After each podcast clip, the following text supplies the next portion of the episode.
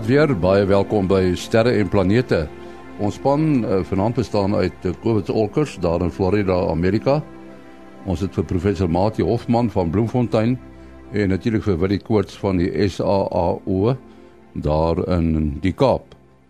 Ons gaan eers luister na 'n ruimtenuus wat geskryf is deur Herman Turin in Bloemfontein. Navorsers in Australië beoog om in 2020 kankerselle na die internasionale ruimtestasie te stuur om te bepaal hoe doeltreffend bestaande middels en behandelings teen kanker gemaak kan word deur dit in toestande van mikroswaartekrag te toets. Dit volg nadat die meeste kankerselle wat in 'n laboratorium aan mikroswaartekrag blootgestel is, gesterf het. Die wetenskaplikes vermoed die afwesigheid van swaartekrag versteur die selle se onderlinge kommunikasie vermoë. Ter voorbereiding van die navorsing in die ruimte het die navorsers 'n swaartekrag simulator ingespan om verskeie soorte kankerselle se reaksie op 24 uur blootstelling te toets. Hulle het kankerselle van die ovaria, bors, neus en longe getoets en gevind die behandeling het tussen 80 en 90% van die selle laat doodgaan. Ek dink nie daaraan dat die behandeling sonder gravitasie die wonderkuur vir kanker sal wees nie. Aldus Dr. Joshua Chu wat die bestaande navorsing by die Tegnologiese Universiteit in Sydney lei. Die navorsingsspan moet 200 000 dollar opdok om die materiaal op die ruimtestasie te besorg. Chu meen die behandeling met min of zero gravitasie sal die bestaande behandeling se effek verbeter. Navorsers van New Delhi het reeds in 2014 vasgestel dat mikrogravitasie die groei en ontwikkeling van kankerselle kan beïnvloed. Met die navorsing is terreine geïdentifiseer wat die navorsers gemeen het verdere navorsing verg om die kennisgapings hieroor te oorbrug. Verskeie studies is reeds gedoen om die effek van mikrogravitasie op die mens te bepaal. Met die Australiese beoogde navorsing aan boord van die internasionale ruimtestasie sal spesifiek gelet word op die invloed op kankerselle en dit lyk of mikrogravitasie die meeste soort kankerselle kan doodmaak selfs sonder die bystand van enige ander bestaande middel. Ses duikers het altesaam so wat 9 dae so wat 20 meter diep onder die see in 'n klein kapsule deurgebring om vas te stel hoe die mens se liggaam en geestestoestand onder soortgelyke omstandighede in 'n basis op die maan sal reageer. Die ondersoek is as straf en potensieel gevaarlik beskryf omdat net soos op die maan die geval sou wees, geen kontak met die buitewêreld gemaak sou word as iets met die toerusting verkeerd sou gaan of as 'n bemanningslid 'n uh, flater sou begaan nie. Daar is gelet op hoe die mens sou reageer in 'n omgewing van hoë spanningsvlakke, 'n strawwe omgewing en boonop te midde van 'n hoë werklading. Deur die ondersoek behoort NASA te kan vasstel hoe duikers en ruimtemanne onder sulke omstandighede hul werksvermoë moet kan optimaliseer. Daar sal ook vasgestel kan word oor hoe die menslike brein van vroue sowel as mans beskerm kan word. Tot sover dan ruimtenuus wat geskryf is deur Herman Turin in Bloemfontein. Uh, ek koop ons begin gewoonlik met 'n sonweervoorspelling. Hoe lyk dinge op die son? Ja, goeienaand en nee, goeienaand almal. Hier sit ons nou met die son, die jongste sonbeelde hier reg voor my van die van die uh ultraviolet en van die uh, harde ekstrale en van die sag sagte ekstrale en almal van hulle wys vir my die son is nou besig met minimum. Met ander woorde die aktiwiteit is baie laag. Ehm um, en selfs die dinge wat ons normaalweg assosieer met die minimum is ook 'n bietjie af afwesig. Ehm um, die die dinge is afwesig en die die ding is natuurlik ons koronagate. Uh hierdie tyd van die siklus is dit maar die dinge wat die wat die meeste sonaktiwiteit veroorsaak en al wat ons op die oomblik sien is 'n kroon koronagat. Dit is nie in by die noordpool en by die suidpool is daar nog eenetjie maar hy is heelwat kleiner en nie een van hulle twee kan natuurlik enigiets aan ons doen nie. Want hulle plaas nie hulle ding na ons kant toe nie. Wat uh filamente aan betref is daar so 3 of 4 wat ek kan sien, maar hulle is maar regtig pateties. Um uh ek dink hulle sal maar net so so stilweg verdwyn op 'n stadium nie deur plat te val of of deur weg te skiet nie. Um en dan natuurlik wat vreeslike groot magnetiese areas en aktiewe area magnetiese areas uh, aanbetref is daar natuurlik ook niks nie. Ons sal eers seker oor 'n week en 'n ek skat so oor 'n week en 'n kwart gaan ons vir die, vir die eerste keer weer 'n bietjie 'n uh, korona gaatjie sien. Met ander woorde ons mense wat uh wat nou kyk na na die langafstand gebruikers selfs hulle gaan hierdie vir hierdie volgende week en 'n half uh mooi stabiele kommunikasie hê. Dit is natuurlik ook aan die ander kant is dit 'n uh, bietjie van 'n nadeel vir ons mense wat daar in die verre noorde en die verre verre suide na auroras wil kyk. Dit is nou die noorder en die suiderligte. As daar nie veel uh, koronagate is nie, dan is daar nie veel aktiwiteit van die kant af nie. Maar op hierdie tyd van die jaar, September en Oktober van elke jaar en Maart en April van elke jaar, naby die ekwinokse, dan gebeur daar 'n vreemde ding. Skielik begin die aarde se magnetosfeer gate inkry. Krake eintlik soos hulle dit op Engels noem. En die krake word veroorsaak deur 'n uh, 'n unieke same sameloop van van van 'n hele paar goed. Kom ons kom ons aanvaar dit maar September en Oktober is is 'n baie goeie uh aurora kyktyd selfs al het ons op hierdie stadium geen geen ehm um, koronagate wat hoegenaamd enige invloed kan hê op die aarde nie sien ons baie baie sterk auroras as ek nou hier kyk na my aurora voorspelling wat uh, wat ek by Noah kry. Hy staan sommer so dik en hy uh, hy belig die hele noorde noorde wêreld.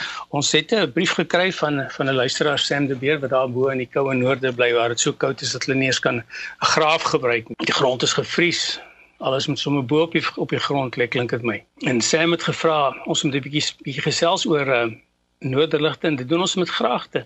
En dan wil ek nou maar net vir Sam en vir enigiemand anders wat geïnteresseerd is vertel as hulle nou wil gaan kyk na baie spesifieke beelde van hoe die aurora op hierdie oomblik lyk. Uh, ek praat nou van 'n uh, satellietipe beeld, nie van fisiese fotos van die goed nie dan kan hulle gaan na die ehm um, die ruimteweer sentrum daar in Noah waar waar ek op die stadium ook uh, met, by betrokke was en dit vind ons by swpc.noaa.gov.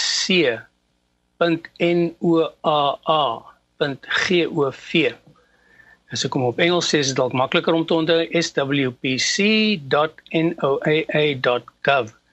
En as mens op daai voorblad kyk, van van hierdie ding is daar so 'n plek wat sê die aurora en langsom is 'n pyl wat jy kan knik en dan kan jy nou sien hoe presies hoe styf is die aurora wat ons nou kan wat ons kan verwag uh, in die toekoms.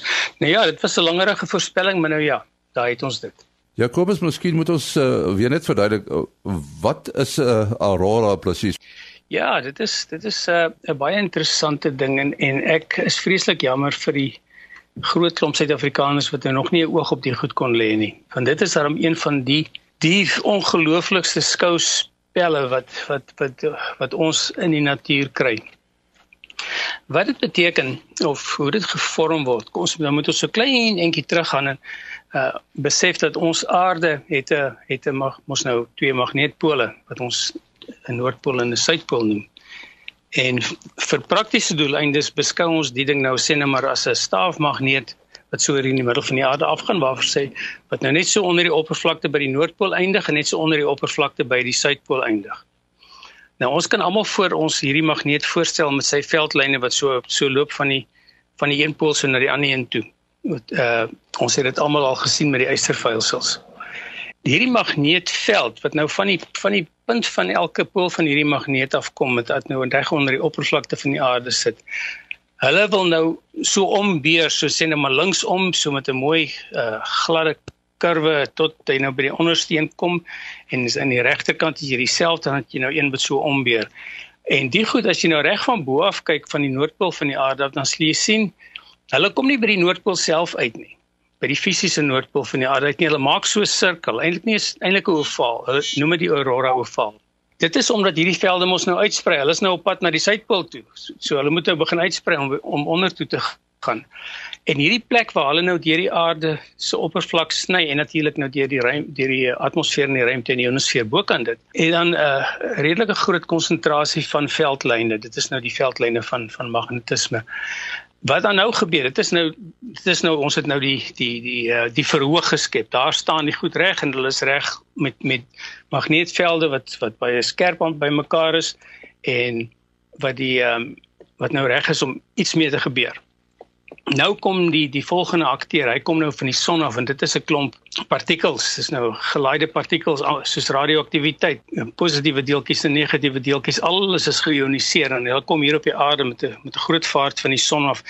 En maak nou is nie saak asof hulle nou kom met 'n van 'n koronamassa uitbarsting of van wat ook al nie. Dit is nou maar net die sonwind wat nou waai hier na die aarde toe.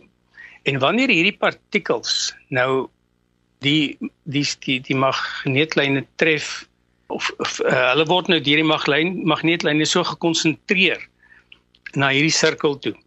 En hierdie goed volg nou die magneetveld met sulke draai spiraal vormpies wat hulle nou so afkom na die aarde toe en as hulle nou hulle kom so groot groot spoed van die son af onthou nou maar net die son op 'n gewone dag as die sonwind so 330 km per sekonde kilometer per sekonde En as dan nou 'n koronagaatjie is, dan vlieg gaan hy op na 600 toe en met 'n CME dan gaan hy op na omtrent 1400 toe.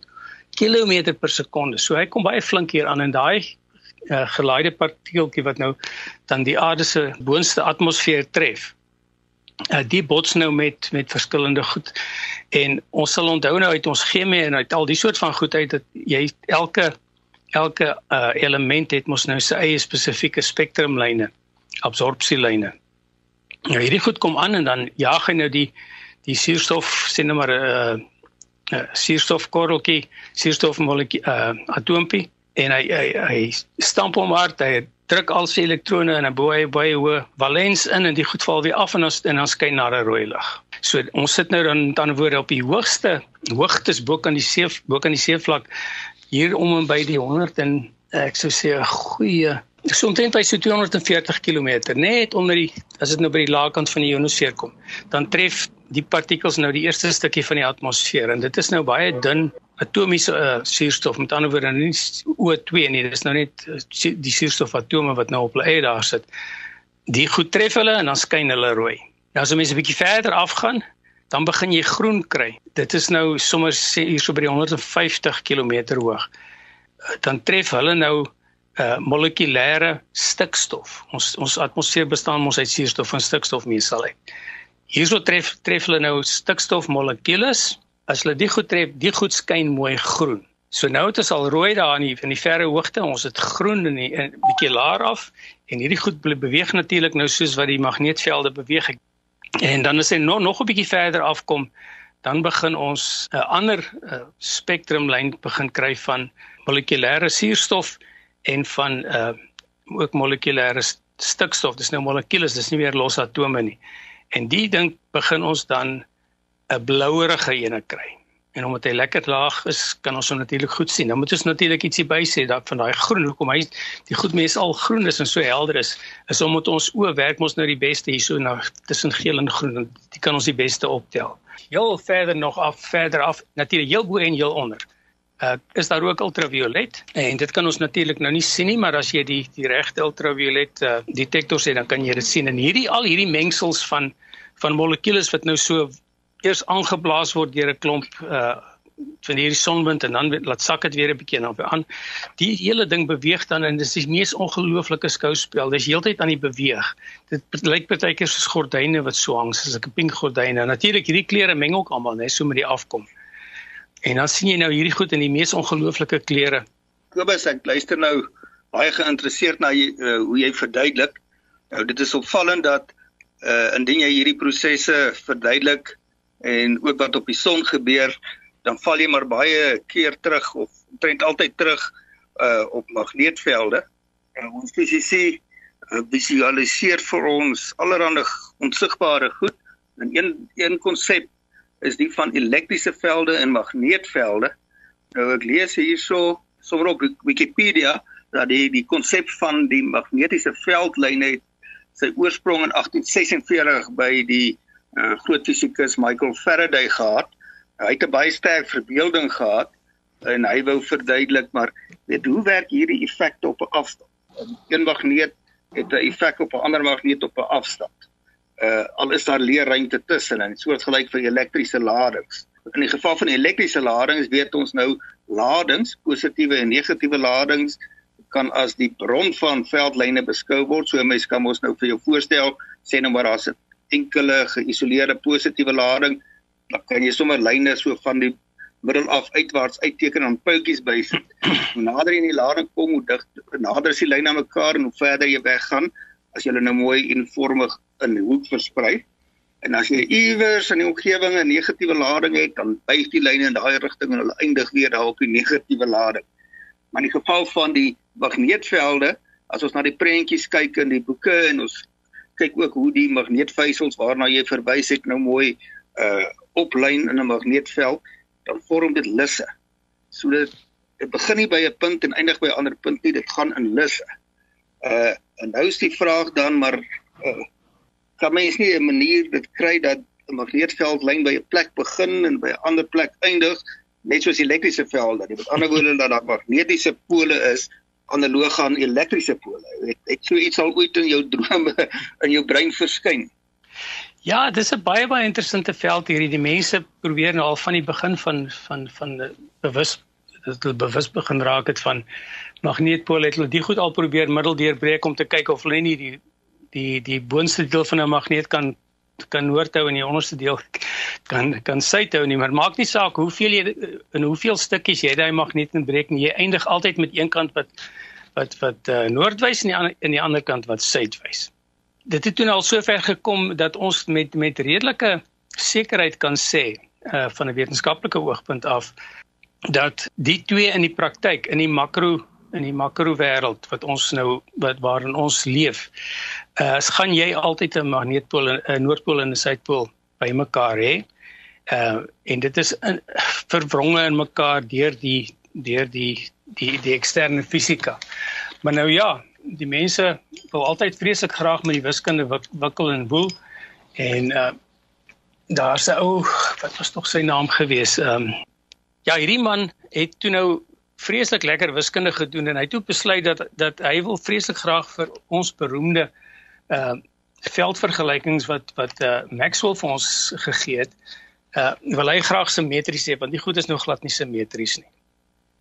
En toe het hy nou gedink uh dat dit tog moontlik sou wees as jy nou 'n monopool kan hê, uh, net 'n pool wat net noord is of 'n pool wat net suid is dan sal hierdie vergelykings tog te pragtig balanseer, maar dan moet ek nou nog steeds sê dis net teorie hierdie, dis wiskunde, daar's nog daar's nog geen praktiese iets daaraan nie. En daar het toe nou in die tussentyd begin mense werk hier aan die die wiskunde het mooi gelyk soveel so dat hulle daar by CERN daar in Switserland waar die mense vir daai vreeslike wat dit 20 myl in die in die, in die rond die die, die Hadron Collider net hy net hy daai LHC wat die wat al die goed daar so in 'n sirkel jaag is daar nou 'n nuwe uh detektor wat hulle nou gebou het. Die probleem met met 'n monopool is, 'n magnetiese monopool is nou die, net die teorie daarvan is dat hy sal baie sterk ionies wees. Met ander woorde, hy sal enige iets wat hy tref, sal hy vreeslik sterk ioniseer, soveel sodat dit ek weet nie kan nou nie die presiese syfer onthou nie. Ek dink is tussen 3 en 4000 maal uh sterker wat hy kan ioniseer uh, uh, ionie wat hy dink kan ioniseer as as uh as die elektrie die, die elektriese ekwivalent. Nou ionisasie is baie baie belangrik vir ons. Uh een van die goed wat uh hoekom ons wegbly van uh van baie hoë straling af of van ekstra in die, in die soort van goed is dat hierdie goed kan ons kan ons uh, molekules van ons DNA ioniseer en dan natuurlik foute daar daar veroorsaak wat wat uh, wat baie slegte gevolge kan hê. So ons is baie versigtig vir ionisasie, maar die so hierdie monopole sou hulle nou bestaan. Die teoretiese monopool kan vreeslik sterk ioniseer en hy ioniseer so sterk dat hy nooit eers deur die vel van enige detektor sal kom nie. Wat hulle nou daar wil opsit om die ding te meet nie. Toe moes hulle nou teruggaan na die ou ou daartoe en hulle het fisiese plastieke gemaak wat ligsensitief is en wat is uh straling sensitief is en uh en al die soort van goed het hulle daar bymekaar gesit uh en selfs regte klein uh, chemiese film ook uh om nou hierdie goed te probeer met uh uh te probeer meet en ons behoort blykbaar in die volgende 4 of 5 jaar sal hulle kan sê of hulle nou van die goed gekry het maar dit is uh maatie dit is nog alles baie baie teoreties. Ehm um, wat ons aanbetref uh het ons magnete met noordpole en suidpole en die ouens gaan dalk een of ander tyd vir 'n paar femtosekondes of so iets gaan daar so so 'n monopooltjie bestaan. Uh maar ons sal hulle nie kan vat en vir ons magnete daarmee bou en veldlyne trek nie. Willie, nou hier van heeltemal van die os op die jas. Ehm um, Voyager is mos nou vreeslik ver uit. En ek het ek het stories gehoor dat hulle al van die van die goed begin afskakel. Dis weet jy wat die jongste is is in in die in die saak. Ja, dis reg. In 1977 was hulle gelanseer gewees en Voyager 1 het by twee van die planete en Voyager 2 het by al vier van die van die groot buiteplanete, uh, dit was se Uranus en Neptunus ook uh saam met Jupiter en en Saturnus verbygevlieg en toe so 'n jaar of twee terug het Voyager 1 uh uitgevlieg uit die uh waar die invloed van die son heeltemal ophou en Voyager 2 is besig om te volg en dit sal ook nou nie meer baie lank wees nie. Nou die uh kragbronne, dit is natuurlik 'n 'n kernreaktor uh wat hulle aandryf en, en die kernreaktor het net 'n sekere leeftyd en uh so die krag het al begin te afneem. Uh so die uh die, die groot probleem is natuurlik om jou syne terug te kry aarde toe.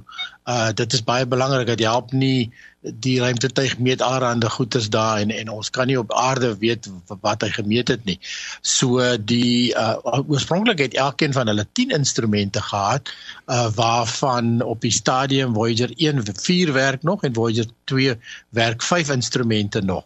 Nou die goed waar hulle die meeste belang stel as jou kosmiese straling, jou magneetvelde wat jy nou van gepraat het en dan ook geleide partikels. Nou uh Voyager 1 het vir ons 'n baie mooi metings gegee om te sien waar die son se invloed opgehou het.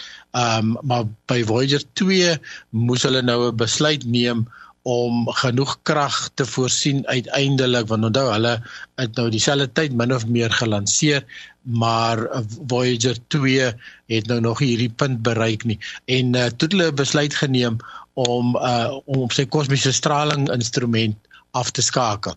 So uh, dit dit was nou om om natuurlik krag te spaar.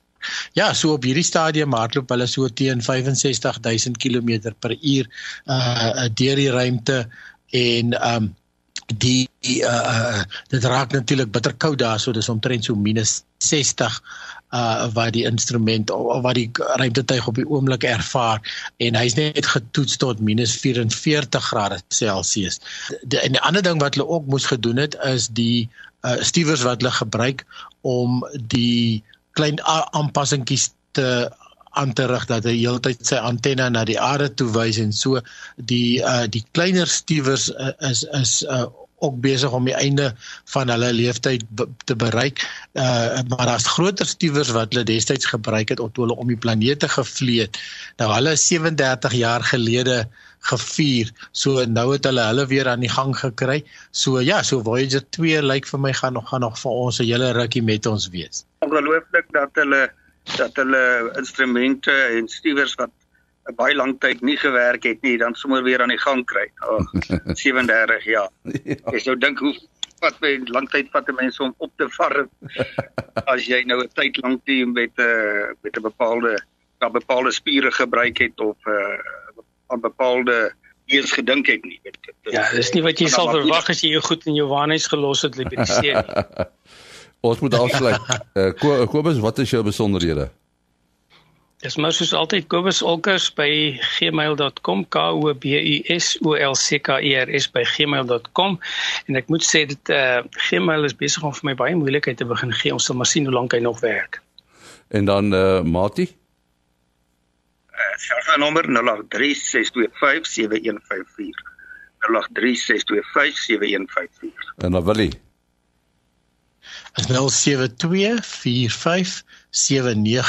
Willie. 0724579208 En dan my e-posadres. Dit is maas.henny@gmail.com. maas.henny@gmail.com. Want ek hoor die mense raas met my as ek die uh, adres in Engels gee. So dit was dan die adres in Afrikaans ook die adres wat jy moet gebruik as u vrae aan die span wil stel. Tot volgende week, alles van die beste.